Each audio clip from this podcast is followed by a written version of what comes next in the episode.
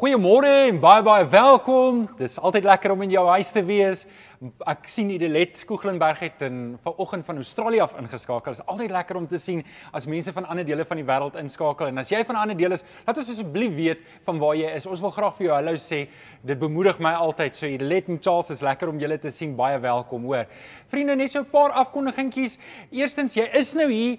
Um help ons asseblief. Klik op die like knoppie. As jy op die like knoppie klik, wat jy doen is as jy sê vir Facebook hierdie inligting is belangrik en jy dink dis goeie inligting, is goeie luisterstof en hoe meer mense daarop klik op die like klik, hoe meer weet die algoritme van YouTube om dit vir nog mense te wys. So help ons asseblief, klik op die like knoppie en help ons om die woord uit te kry. Dan ons begin vandag met 'n splinte nuwe reeks Bybelse idiome. Hierdie reeks is ek baie opgewonde oor. Ek dink is baie meer relevant as wat die titel dalk nou sê. Jy sal nog sien, volg ons daar. Nou jy kan hierdie reeks aflaai by www.biblestudy.co.za. Jy kan die boekie daar um, gratis aflaai as jy die PDF vat, maar jy kan hom ook bestel, maak nie saak waar jy in die wêreld is nie. So Charles en Idelet, julle is welkom om dit te bestel. Ons kan dit vir julle stuur deur die pos ook. Vir die res van julle wat naby is, nou vandag tussen 11 en 12 het ons 'n drive-through hier onder by Palm Grove. Julle is welkom om te kom en vir julle boekies te kom haal. Ons het 'n hele span jong mense hier wat gaan help om uit te deel en ek sien uit om jou te sien. So ek gaan self ook daar wees. Ek wil jou graag hallo sê en jou groet. Dan as my klikker wil werk, ek dink daai goed daaronder maak dit Kom ons probeer weer. Hy gaan nou werk. Hy gaan nou werk. Hier gaan hy. As hy. Um indien jy nog nêrens iewers finansiëel bydra nie, dan wil ek jou nou nooi om um of oorweeg dit om by ons te ondersteun. Ek wil eerstens dankie sê, dankie vir almal wat finansiëel bydra. Dit is my altyd bemoedig my geweldig baie om te sien hoe die mense finansiëel bydra. En indien jy nog nêrens bydra nie en jy het om by te dra en die Here lê dit op jou hart, oorweeg om hierso by te dra en help vir ons dit moontlik om hier koninkryk en die woord daar buite te kry. Dan direk na afloop van hierdie boodskap gaan ek jou met nagmaal bedien. Ek hoop jou nagmaal goed is reg en um, ek sien uit om ook vir jou met nagmaal te bedien. Kom ons sluit net die oë dan bid ons saam. Vader, baie dankie vir hierdie mooi oggend. Here wat ons u goedheid kan beleef. En Here, ek weet, ek weet reg oor die wêreld is daar nou mense wat inskakel op verskillende plekke op by verskillende kerke om in die woord te grawe, mense wat bymekaar kom en in hierdie oggend kom vra ek Here dat U ons harte sal seën. Kom maak ons harte oop vir die Heilige Gees se werking. Vader, dat ons U sal ken en dat ons nader sal groei aan U deur die Here Jesus. En ook vanoggend wanneer ons praat oor Jesus Christus, dat ons harte uh, ontvanklik sal wees en dat ons regtig 'n behoefte in ons hart sal hê om ook die evangelie uit te dra na buite. Ek bid ook vir almal wat wat iemand verloor het um en aan die dood afgestaan het en ons mense wat siek is. Here raak hulle aan en kom genees vir hulle en kom dra die mense wat hartseer is op hierdie stadium. Ons vra dit mooi en ons bid dit in Jesus naam. Amen. Amen. Weereens vriende, baie welkom. Jy kan jou Bybel sal oopmaak by Jesaja 53 vers 1 tot 12. Ons gaan dit nou-nou saam. Lees. Ons begin vandag met 'n splinter nuwe reeks Bybelse idiome. En ek wil graag 'n bietjie met jou praat daaroor oor Bybelse idiome. Ek wil net gou kyk. Ek het my boekie iewers. Ek wil net my boekie kry. So hierdie boekie, um gaan jy sien doen 'n paar Bybelse idiome. Nou, ons Afrikaans is ryk aan idiome. As jy die boekie vat, meeste van ons Afrikaanse idiome is maar diep gewortel in ons kultuur. Gaan nou praat oor die Bybelse idiome, maar 'n heel party, baie kom eintlik uit die uit die voortrekkers se daai. En vir oggend ter, terwyl ek finaal deur my notas gaan toe lees ek nou sommer in die boekie en ek kyk en ek skrik eintlik. Ek dog by myself, hier is 'n ernstige ernstige spelfout. En jy sal sien in die boekie is daar 'n klomp idiome daar gelys wat uit die voortrekkers se daai uitkom. En die een wat ek toe raak lees is 'n om 'n loensriem te wees, 'n loensriem te wees. Ek weet nie of ek dit reg uitspreek nie. Ek dink, my wêreld, wat gaan hier aan? Dis 'n spelfout. Ek kan nie eens onthou dat ek dit geskryf het nie. En dan toe nog ek, ek wil dalk nie dit met jou deel. Wat 'n loensriem is. As jy sê wat 'n loensriem is 'n riem wat deur die loens gaan wat twee houtpanele of twee die as of die ding bymekaar hou, kan jy nou sien. Ek weet niks van die voortrekkers af nie. Sodat die hout nie uitmekaar uittrek nie. En wat hulle gedoen het, hulle het 'n riempie gehad wat deur hierdie metaal naald is sodat hy daar bly en dat hulle hom maklik kan uithaal en vervang of wat ook al die ding is. En dan um, toe nog, dis seker 'n kompliment. As jy vir iemand sê, "Hoor jy, jy's 'n loensriem, jy's 'n regte loensriem," dan dan komplimenteer jy hom seker. En toe gaan kyk ek wat wat die idioom beteken en 'n loensriem is eintlik altyd vol gries geweest omdat hulle hom baie dik met grease smeer sodat hulle hom maklik kan uithaal en insit wat ook al die geval mag wees. So eintlik om 'n loensriem te wees is eintlik om 'n vuil persoon te wees en om um eintlik maar seker grease naels te hê en alles te hê wat daarmee saamgaan. So in 'n geval, sommer so 'n bietjie vir uh, jou en vir jou om uh, uh, terug te dink aan die ou dae. Daar's 'n paar idiome wat daar neergeskryf is en jy is welkom om te gaan kyk wat daar staan. Nou idiome um is baie eie aan 'n kultuur en 'n taal en en spesifiek in spreekwoordelike taal.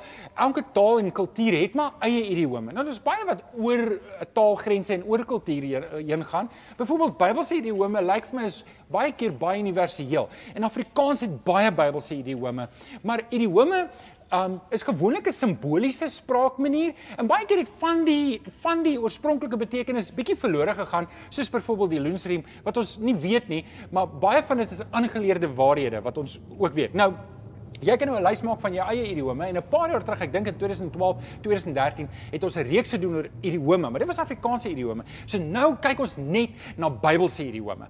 En die eerste een waarna ons gaan kyk is is soos 'n lam wat na die slagplek gelei word.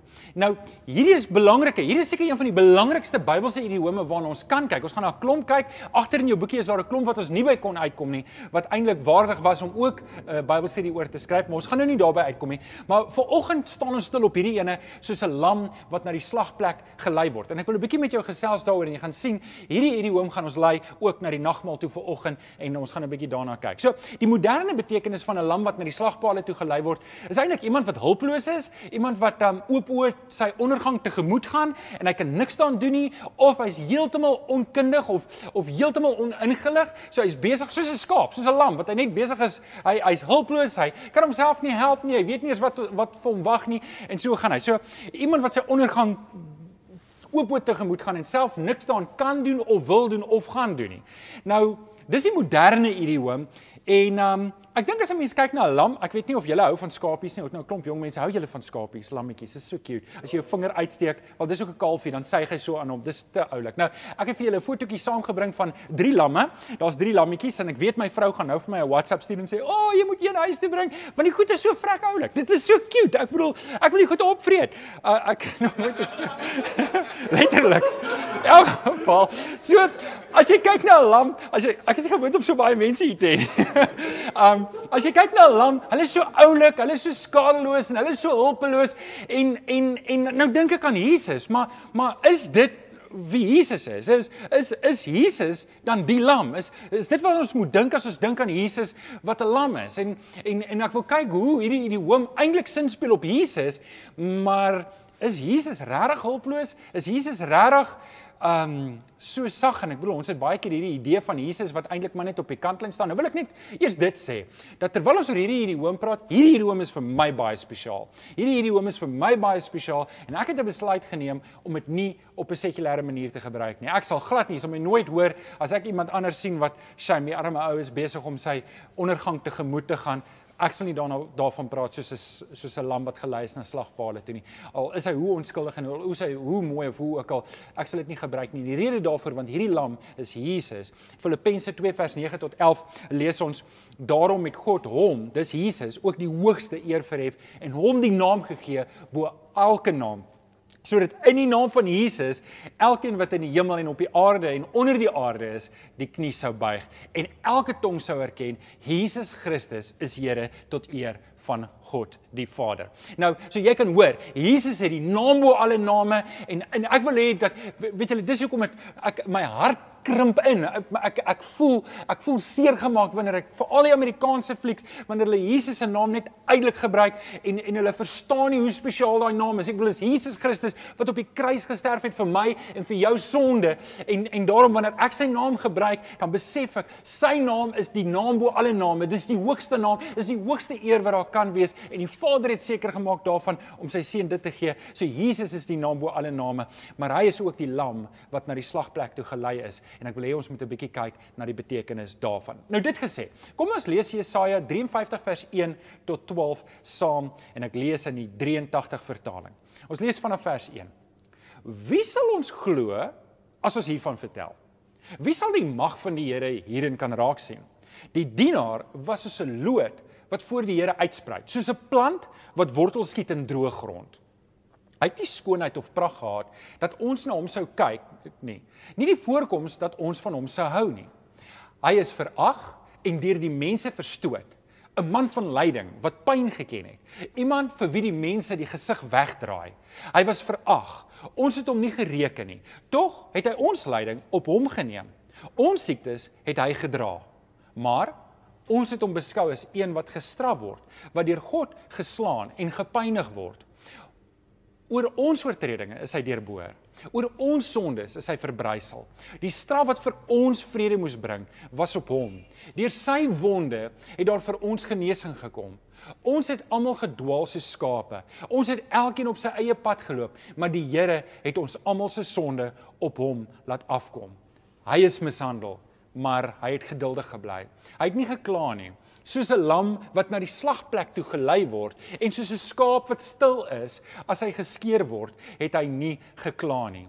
Terwyl hy gelei het en gestraf is, is hy weggeneem. En wie van sy mense het dit ter harte geneem dat hy afgesny is uit die land van die lewendes? Hy is gestraf oor die sonde van my volk. Hy het 'n graf gekry by goddeloses. Hy was by sondaars in sy dood, al het hy geen misdaad gepleeg nie en al was hy nooit vals nie.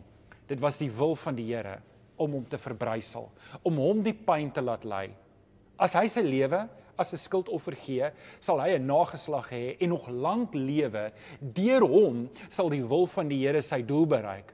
Na sy bitter lyding sal hy weer die lig sien en hy sal die Here ken. My dienaar, die regverdige, sal baie mense regverdig maak. Hy sal die straf van hulle sonde dra. Daarom gee ek hom 'n ereplek onder die grootes. Hy sal saam met die magtiges oorwinning vier omdat hy hom in die dood oorgegee het en nie as en, en as 'n misdadiger beskou is omdat hy die sonde van baie op hom geneem het en vir oortreders gebid het. En dit is ons teksvers vir vandag is die hele Jesaja 53. En ek wil jou vra, gaan lees dit weer by die huis en gaan lees met 'n oop hart en sien dat dit Jesus is. Al daai verse wys vorentoe. Nou dink jouself aan Jesaja se tyd waar die volk net bly loop en val en in sonde val en en en God openbaar, die Vader openbaar sy hart aan Jesaja en sê, daar kom 'n tyd wat al hierdie gaan verbygaan, waar die mense nie meer so gaan voortploeter nie. Ek gaan my seun stuur. Ek gaan my seun stuur om te sterf vir die volk. En hierdie hele Jesaja 53 sin speel op Jesus wat gaan kom. En ek wil hê jy moet weet, as jy iemand is wat ploeter op hierdie stadium in jou lewe vir watter rede ook al, dan moet jy weet Jesus is die lam wat vir jou geslag is. En hy het hy het nie gekla nie. Hy het hy het dit gedoen vir my en vir jou. In Handelinge 4 vers 12 lees ons hierdie belangrike woorde: Daar's geen ander naam op die aarde aan die mense gegee waardeur God wil hê dat ons verlos moet word nie. Daar's net een naam. Jesus het dit self gesê in Johannes 14 vers 6: Ek is die weg en die waarheid waarheid in die lewe. Niemand kom na die Vader toe behalwe deur my nie. En dis wat Handelinge 4 vers 12 dan ook herhaal om te sê, daar is nie 'n ander naam gegee nie. Dis net Jesus Christus. Hy is die lam. Hy is die lam. Nou okay, hoekom hoekom sê ons vir mekaar Jesus is 'n lam? Wat sal die rede wees dat Jesus 'n lam is? Nou, dalk moet ons 'n bietjie dieper kyk na daai gedagte. In Johannes 1 vers 29 lees ons ook dat dat Johannes die Doper na Jesus verwys het. Hy sê die volgende dag toe sien Johannes vir Jesus. So hier's Johannes die Doper. Hy's besig om te preek. Hy preek die wêreld vol bekeer julle en laat julle doop. Die koninkryk van God het naby gekom. Bekeer julle, bekeer julle en hy doop mense in die Jordaanrivier. En dis wat hy die hele dag doen. En daar sien hy vir Jesus en hy sê en hy sê daarso: "Daar is die lam van God wat die sonde van die wêreld gaan wegneem." En en dis 'n wonderlike oomblik daar toe Johannes opkyk en hy sien daar's die lam. Dis Jesus Christus. En ons lees 'n paar hoofstukke verder ook in Johannes dat hy lees en hy sê vir sy disippels: "Dit is die lam." En hulle dadelik sy disippels het dadelik agter Jesus begin aangaan. En dis kosbaar. Dis wonderlik dat die dat dat Johannes die Doper dit geweet het. Nou, ons het nou nog gepraat oor die lam. En hierdie drie lammetjies wat ons hier het en en hulle is so cute en hulle is so pragtig en ons en en en ek kan nie lekker die lyne bymekaar bring nie want as ek dink aan Jesus dan dink ek nie aan hierdie drie lammetjies nie. So hoekom hoekom is Jesus die lam? As ons kyk na hierdie lamme, hulle is so oulik en skadeloos, so hulpeloos en so dom as jy dit nou so kan sê. Ek bedoel, weet hoor jy kan lekker jammer kry vir 'n lammetjie um tot jy sy skaapchoppies eet, dan sê jy nou nie meer so jammer vir hom nie. Maar maar um weet ek kan nie 'n lekker lam by Jesus uitbring nie en dis wat ek jou wil help om daai koneksie te maak om te verstaan hoe ons van die lam na die kruis kom en hoekom Jesus die lam is. So hier gaan ons. Skryf neer as jy wil. So Jesus is die lam waarvan in Eksodus 12 gepraat word. So kom ek vat jou net gou vinnig terug na Eksodus 12. Toe. So dit was die 10 plaae. Jesus het vir ag Jesus, die Vader God het gesê vir Moses, gaan na Farao toe en gaan sê vir hom my my volk uit die uit Egipte land uit laat gaan ek wil hê hulle moet aanbid in die woestyn. En en julle onthou Farao het gesê, nee nee nee nee, dit gaan nie so maklik wees nie. Hierdie is so cheap labor. Onthou nie die Israeliete was baie goedkoop arbeid. Hulle het net niks gekry nie. Hulle hulle het al die geboue opgerig, hulle het al die werk gedoen, hard gewerk en Farao het net gesê, hoorie, sorry Moses, ek hou van jou, maar hierdie ekonomie van jou gaan nie werk nie. Hulle bly net hier. En toe sê die Here, hy waarsku vir Farao, jy gaan gestraf word. Jy gaan jy gaan gestraf word en hy het hom net nie daan gesteer nie. En toe kom die eerste plaag, die tweede plaag, die derde plaag en op die hoogtepunt op al die eerste 9 plaae het Farao elke keer gesê, "Alright, alright, gaan maar, gaan maar." En op die laaste oomblik het hy gesê, "Nee, nee, nee, nee, nee, nee. Nee, nee, ek heroorweeg, kom terug." En en die Here het die het die grootste verlaaste geval. Nou jy gaan nou sien hierdie parallelle wat hier inkom dat dat God al in Exodus Jesus na verwys het.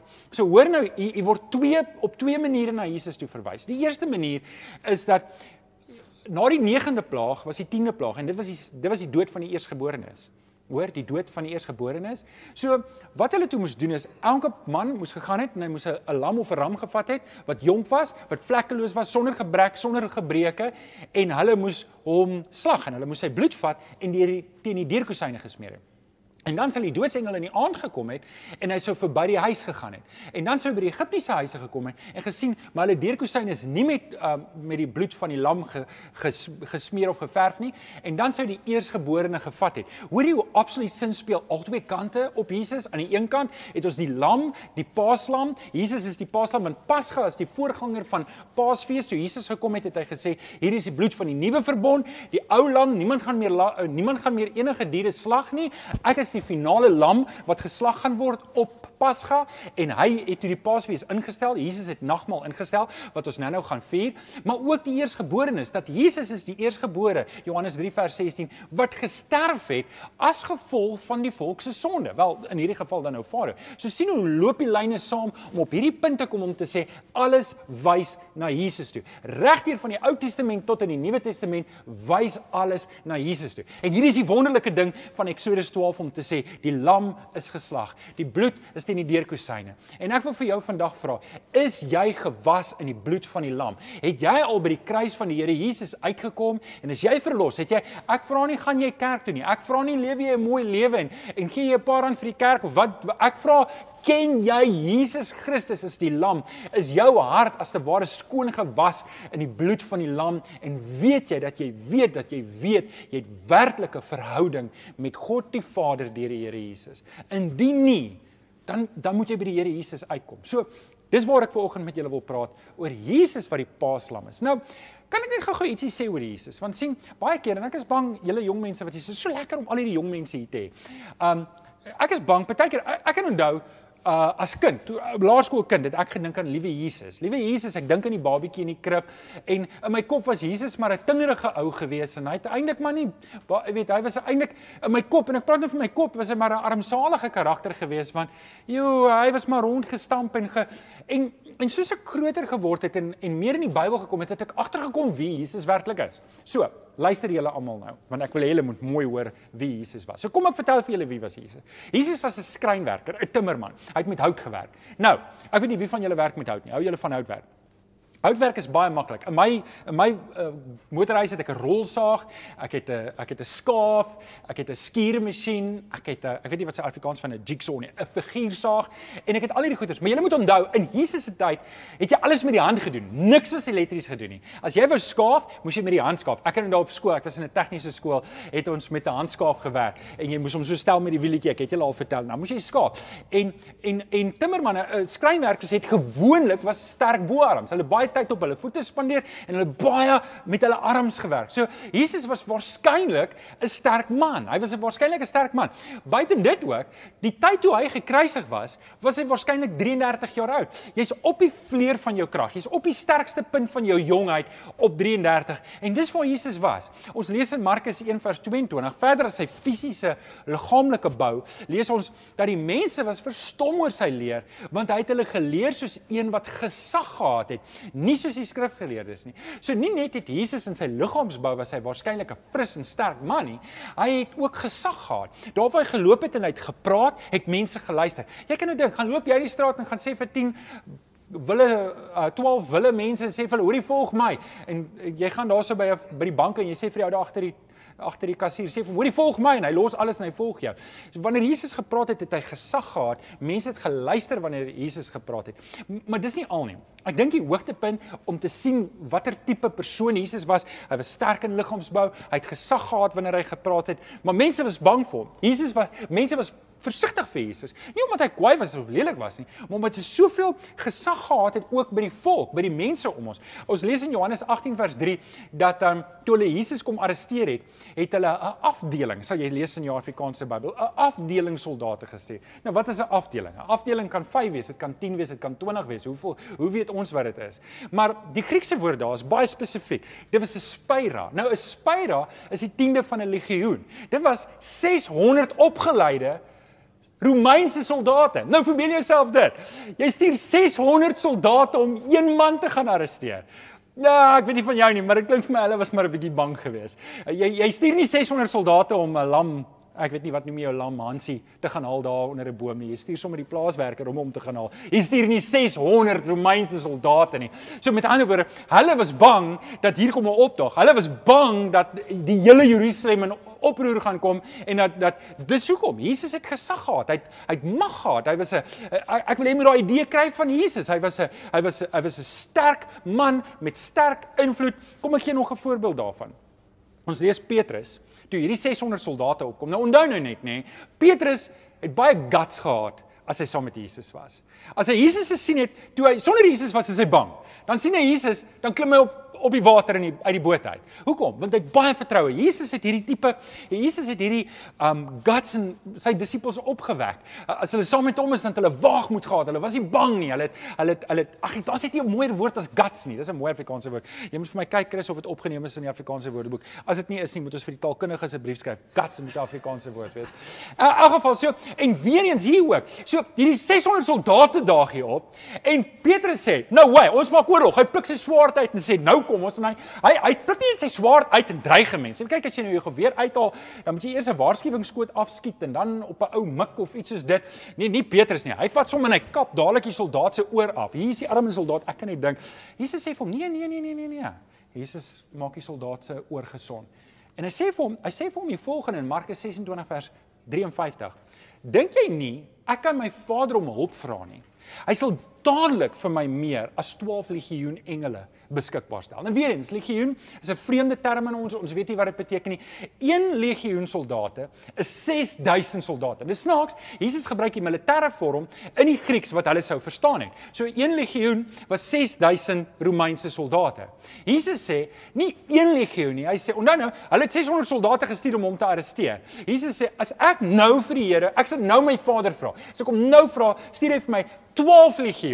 Dis 72000 engele. Jesus het daai gesag gehad dat hy kan sê, luister Petrus, ek dink nie jy verstaan hoe werk hierdie prentjie nie. Hierdie prentjie werk anders. Ek het nie jou swaard nodig nie. Ek kan net vir my Vader vra en hy sal op daai oomblik 12000 soldate stuur. Nou ek wil hê jy moet 'n onbehulpe sagte lam wat homself nie kan help nie en hy's op pad slaagpale toe en hy me me maar net op pad slaagpale toe. Jy kry hom jammer sê, "Ag, sy my arme ding, hy weet nie eens wat vir hom wag nie." Dis nie Jesus nie.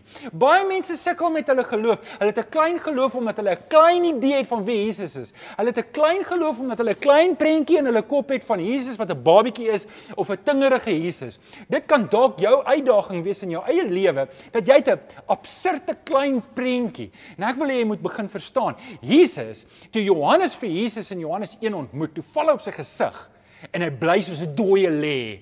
Ek en jy, as ek en jy nou in Jesus se teenwoordigheid gaan ingaan, dan gaan ons platval en lê soos 'n dooie. Ons sal nie waag om op te staan nie, want dis hoe groot die Jesus is wat vir jou aan die kruis gesterf het en wat vir jou lief is en vir jou sonde gesterf het. Hy is die lam van Eksodus 12 wat vir my en jou geslag is aan die kruis. En dis wat ek en jy moet verstaan. Nou, Jesus is die paaslam. Jesus is die lam wat geslag is vir my en jou. Ek wil vir 'n oomblik vat na die kruis toe. Ek wil jou vat vir 'n oomblik na die kruis toe En verstaan jy nou hoekom ek nie hierdie idioom wil gebruik in 'n Afrikaanse konteks sommer net vir die algemeen. Ag Sam, daai ou, hy is soos 'n skaap wat gelei word na die slagpaal. Hy is so onskuldig, maar hy kan homself nie help nie. Nee nee nee nee.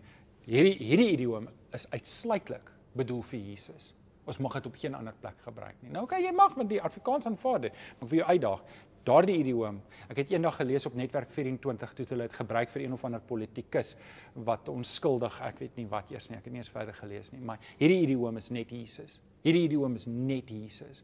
En ek wil jou na die kruis toe vat want daar gebeur dinge in my hart as ek by die kruis is.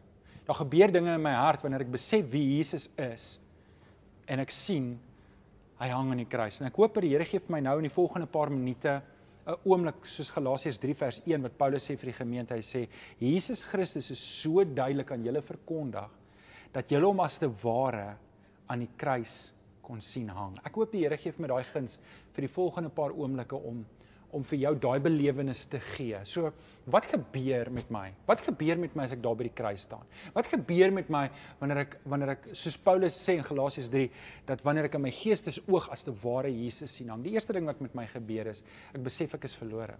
Ek besef ek is 'n sondaar. Ek besef dat dat ek kan ek ek kan niks vir myself doen nie. In Romeine 3 vers 23 sê almal het gesondig en het nie deel aan die heerlikheid van God nie. Elkeen van ons, elkeen van ons was verlore sondaars. As daar enigiets 'n manier was dat jy jouself kon red, dan was dit nie nodig vir Jesus om aan die kruis te sterf nie. Maar niemand nie, geen mens kan homself red nie. Almal van ons is verlore in ons sonde. Ons het 'n paaslam nodig wat vir ons geslag word.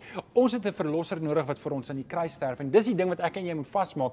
Daardie kruis was vir jou en dit was vir my. Jesus Christus was die paaslam omdat die Vader 'n verhouding met ons wil hê. Ek kan myself nie red nie. En sien, die, die uitdaging hier is, tot ek nie besef ek is verlore nie, weet ek nie ek het redding nodig nie. Net soos 'n ou wat besig is om te verdrink. As ek hom die reddingsboei uitgooi en hy gryp dit nie, gaan hy verdrink. En net so moet ek en jy besef, die Here het as te ware, die Vader, God die Vader, het 'n reddingsboei vir ons uitgegooi. Dis die Here Jesus. Ek en jy moet hom gryp. Ons moet hom aangryp en hom ons eie maak. Deel daarvan is om ons sonde te bely. Soos Petrus gemaak het in Lukas 5 vers 8, toe hy die Here Jesus ontmoet toe, hy is so diep bewus van sy sonde en sy tekortkominge dat hy aanvanklik gesê het, "Gaan weg van my, Here, want ek is 'n sondaar. Ek kan nie in U teenwoordigheid wees nie. Dit wat U is, ek kan nie. Ek is te ek is te vuil, ek is te stikken." En dis wanneer die Here Jesus sê ek oordeel jou nie. Ek wil jou red. Ek wil jou red. En, en dalk het jy dit nodig om dit vandag te hoor. Dalk sukkel jy met sonde. Dalk is daar dinge in jou lewe wat jy weet is nie reg nie. Ek wil vir jou vandag sê die Here wil jou red. Jesus Christus het aan die kruis gesterf omdat God die Vader jou liefhet en hy wil jou red. Romeine 3 vers 24 sê julle word sonder dat julle dit verdien op grond van sy genade vrygespreek vanweë die verlossing deur Jesus Christus en dit was aan die kruis. So dis die eerste ding wat gebeur wanneer ek by die kruis van Jesus kom. As ek besef ek is verlore en dat daar verlossing vir my is. Die die tweede belangrike ding wat gebeur is, ek besef dat God my Vader wil wees. God vir my Vader wees. Dit is vir my so wonderlik van Jesus. Jesus begin en hy leer sy disippels en hy sê, "Hoor, hier is hoe julle moet bid." En bid gebed is net om met die met met God te kommunikeer. En hy sê, "Maar hier's wat jy God moet noem. Jy moet hom Vader noem." En die Griekse woord daar's pater.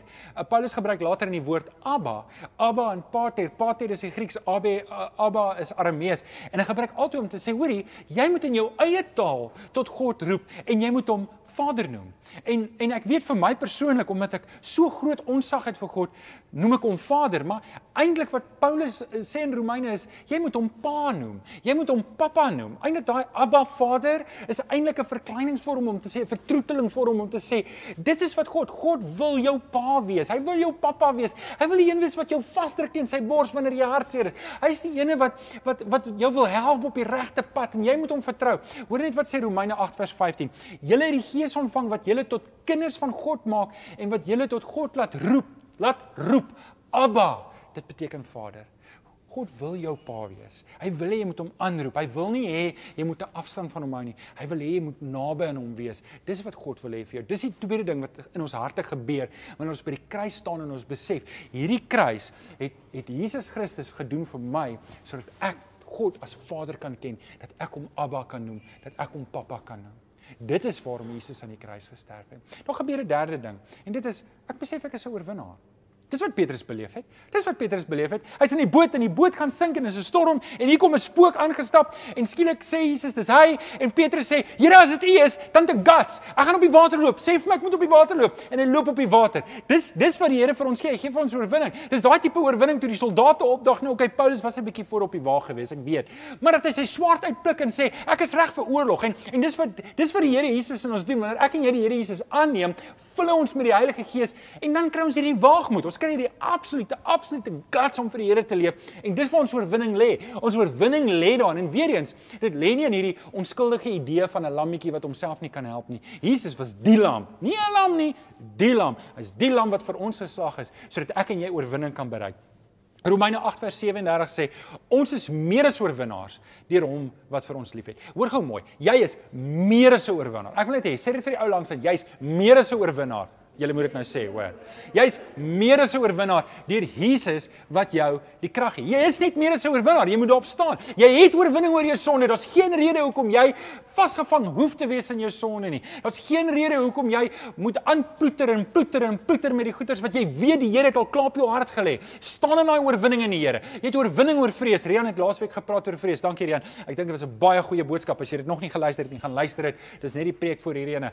Wat sê, die Here wil nie ek en jy moet vreesagtig wees nie. Hy wil nie ek en jy moet in vrees lewe nie. En ek weet die wêreld is onderste bo en is stikkend en is de mekaar, maar die Here wil nie vir jou, hy wil hê ek en jy moet juis Jesus skyn in hierdie de mekaar. Hoorie, hierdie stikkende wêreld is nie vir my en jou tyd om onder 'n bed te gaan wegkruip nie. Hier is ons tyd om op buite te wees en om Jesus te lewe en om te sê, "Yes, ons oorwinning is in Jesus." Kan iemand net amen skree asseblief?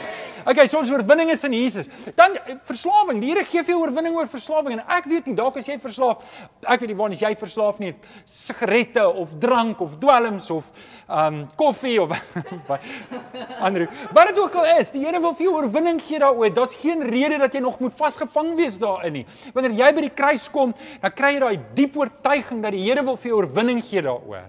En dan oor die omstandighede. Weet jy wat, nee, ek ek wil dalk vir jou konteks gee in jou eh, in jou omstandighede. Dalk is jou omstandighede nie soos wat dit moet wees nie. Dalk dalk is jou omstandighede die mekaar en is stikkend en is die mekaar en ek weet nie ek weet nie waar jy is nie.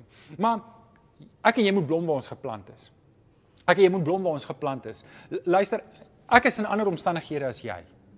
En vir jou en vir my vir my om te kla, ag ek is in hierdie omstandighede, wat sê liedjie, everybody hates me, nobody loves me, I'm going to eat some worms. En ek en jy kan nie daai houding hê nie. Ja, dalk is jou omstandighede nie ideaal nie. Dalk is dit nie, maar jy is daar. Jy is daar en jy moet Jesus leef daar in jou omstandighede. So dalk oorwinning beteken nie noodwendig jy gaan uit daai omstandighede uitkom nie. Oorwinning beteken soos Paulus wat op 'n boot is toe in Jerusalem is word hy gearresteer. En wie wil in 'n tronk wees? Hy word op 'n boot gesit en die boot sink. Wie hou daarvan om op 'n boot te wees wat sink? Wat se omstandighede is dit? Die soldate sit hulle swaarde uit en sê ons gaan al die ons gaan al die um amper sê ek bandiete. Wat is dit um gevangenes. Ons gaan hulle almal doodmaak. Paulus sê, "Wow, wow, wow, wow, wow, ons sal saam met julle kant toe swem, beloof, ons sal niks verkeerd doen nie." En hulle swem kant toe sopnat in die winter, gaan staan hulle by 'n vuur asof dit nie die ergste is nie op die op die eiland Malta kom pik 'n slang 'n giftige slang. En Kom ons kyk na die som van dit. Hy's gearresteer uit hierdie mislike kaptein wat hom nie na hom wil luister nie. Uit hierdie mislike soldate. Hy hy hy's op 'n boot wat sing. Die die hy moet swem, hy's papnat, hy kry koud, hy's by 'n vuur en hier pik 'n slang hom. Nou dalk is dit jou omstandighede. Maar weet jy wat se wonderlik alles bou in Paulus se lewe op dat toe hy die slang afskud in die vuur dat mense sê maar daar's iets anders in jou. Jy het 'n goddelikheid in jou en hy kon Jesus verkondig aan hulle. So wat ek vir jou probeer sê is dalk is dalk is jou oplossing nie om uit jou omstandighede te kom nie, maar om Jesus in jou omstandighede uit te leef. Ek wil dit herhaal. Jou oplossing, jou gebed behoort dalk nie nou te wees, Here red my uit hierdie omstandighede uit nie. Nee, jou gebed moet wees, Here ek is in hierdie omstandighede. Ek wil Jesus hier uitleef want mense het nodig om Jesus nou in my te sien. Bid daai gebed en vra die Here dat hy jou kan gebruik waar jy is. Ouens, kan ek jou eerlik in die oë kyk en sê ja, maar Johan, jy weet nie waarvan jy praat nie. Luister, ek het ook lekker moeilike omstandighede al in my lewe gehad, maar ek het 'n besluit geneem om te sê die Here weet waar ek gaan wees en waartoe ek gaan gaan en ek gaan Jesus uitleef in elke liewe omstandigheid. Ek en jy moet ophou kla. Ons moet ophou kla. Kla is nie vir kinders van die Here nie weet jy wat mense wat kla is net omdat hulle nie die genade wat vir hulle gegee is besef nie. Weet jy wat nê? Ek kan ek kan met 'n miljoen rand in die bank sit en dink ek is arm. net omdat ek die verkeerde perspektief het. Net so kan jy dink wat jy wil, maar as ek en jy kla, dan wys dit ons besef nie hoeveel genade ons in die bank het in die Here Jesus nie. Weet jy wat? Ek sal liewer hierdie hele lewe arm leef en weet ek is by die Here en ek kan 'n paar mense saamvat as wat ek in weelde en gerief leef en ek doen niks vir die Here nie. Kom ons klaar nie. Kom ons klaar nie. Jo, ek het nou 'n hele punt daar. Ag geval. Die punt is net Romeine 8 vers 37. Ons is meer as oorwinnaars deur hom wat hom krag gee. Leef jou oorwinning uit in Christus. En dit beteken, weet jy, so eenvoudig so staan net op en weet jy is waar die Here jou wil hê. Nou. En leef daar vir die Here. Dis al. Dis al. Moenie dink dis 'n hoe bo ding teologiese ding nie. Dis 'n ding wat jy net uitleef vir Jesus waar jy is. Amen. Amen. Wonderlik. OK. Dis die einde van my boodskap. Ek wil jou terugvat na die kruis toe. Handelinge 4 vers 12 sê daar is geen ander naam op hierdie aarde aan die mense gee waardeur God wil hê ons moet verlos word nie. Nou, ek gaan vir Andrew vra om my te kom help net om my nagmaaltafel reg te kry. En ek wil jou graag bedien met nagmaal. Ek wil jou graag bedien met nagmaal en uh, ons gaan nagmaal gebruik as 'n klomp jong mense. Hulle wag vir jou om 'n Bybelstudieboekie uit te deel. So, jy kan regkry tussen 11 en 12 deel ons Bybelstudieboekies uit. Maar um, nou wil ek hê ons moet ons harte stil maak. Jesus is die lam wat vir my en jou geslag is. Jesus is die lam. Ons gaan nou die nagmaal saam gebruik. Jesus is daardie lam wat in my en jou plek gesterf het. Daarom kan ek en jy in oorwinning leef. Kom ons sluit hierdie oë. Dan bid ons saam. Vader, ek kom dankie. Ek kom dankie Here vir hierdie spreekwoord wat wat in die Ou Testament in Jesaja 53 al voorgekom het. En Here, hier is ons nou saam en ons kan vandag nog daaroor praat oor daardie benoemenswaardige gebeure wat gebeur het 2000 jaar terug toe Jesus aan die kruis vir ons gesterf het. En ek kom vra Here in hierdie oggend dat U daardie krag in ons harte sal ontketting dat ons Eerstens sal besef maar ons kan verlossing kry in die Here Jesus. Tweedens dat ons kan 'n lewendige verhouding hê met die Vader deur die Heilige Gees en derdens dat ons kan in oorwinning leef in hierdie lewe. Kom seën vir ons hiermee. Ons vra dit mooi en ons bid dit in Jesus naam. En die kinders van die Here sê Amen. Amen. Baie dankie. Ons gaan net wegbreek en dan gaan ons nagmaal gebruik. Dankie.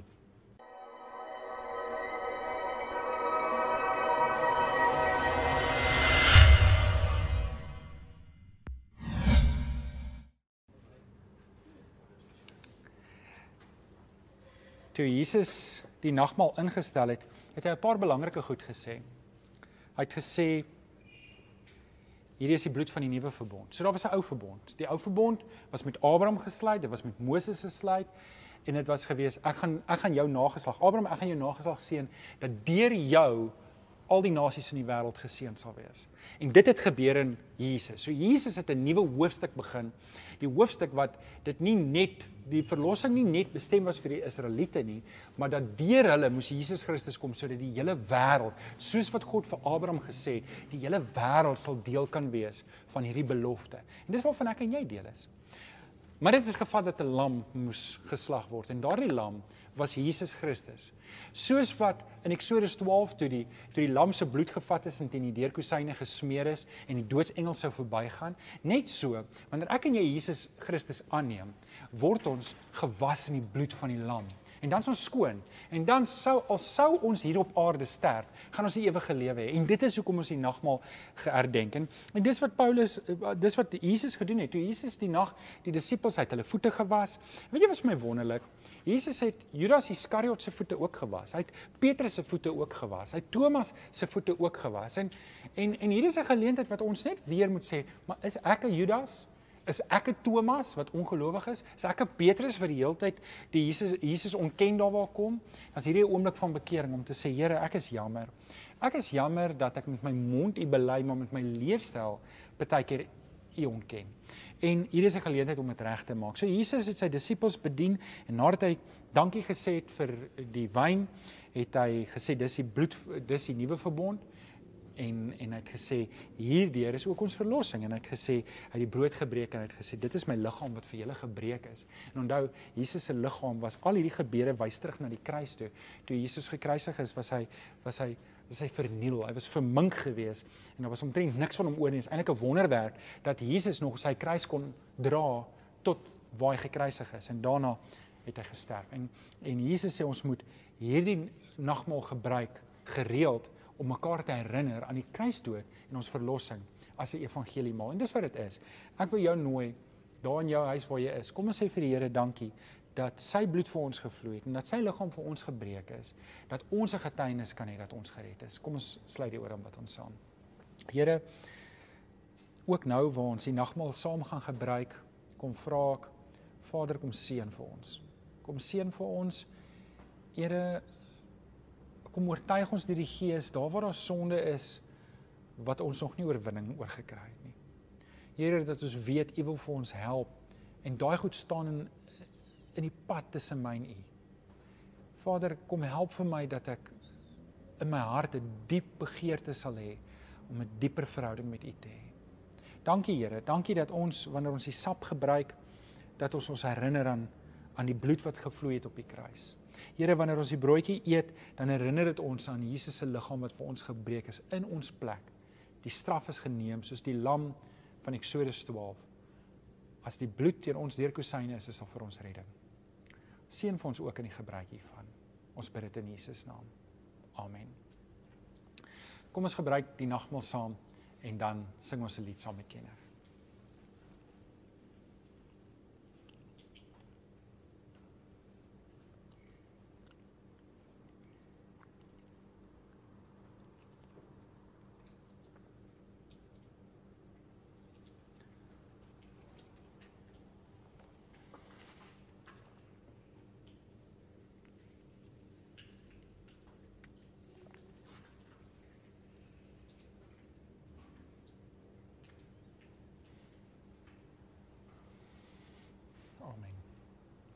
Kom ons sing 'n lied saam met Kenneth en Karen.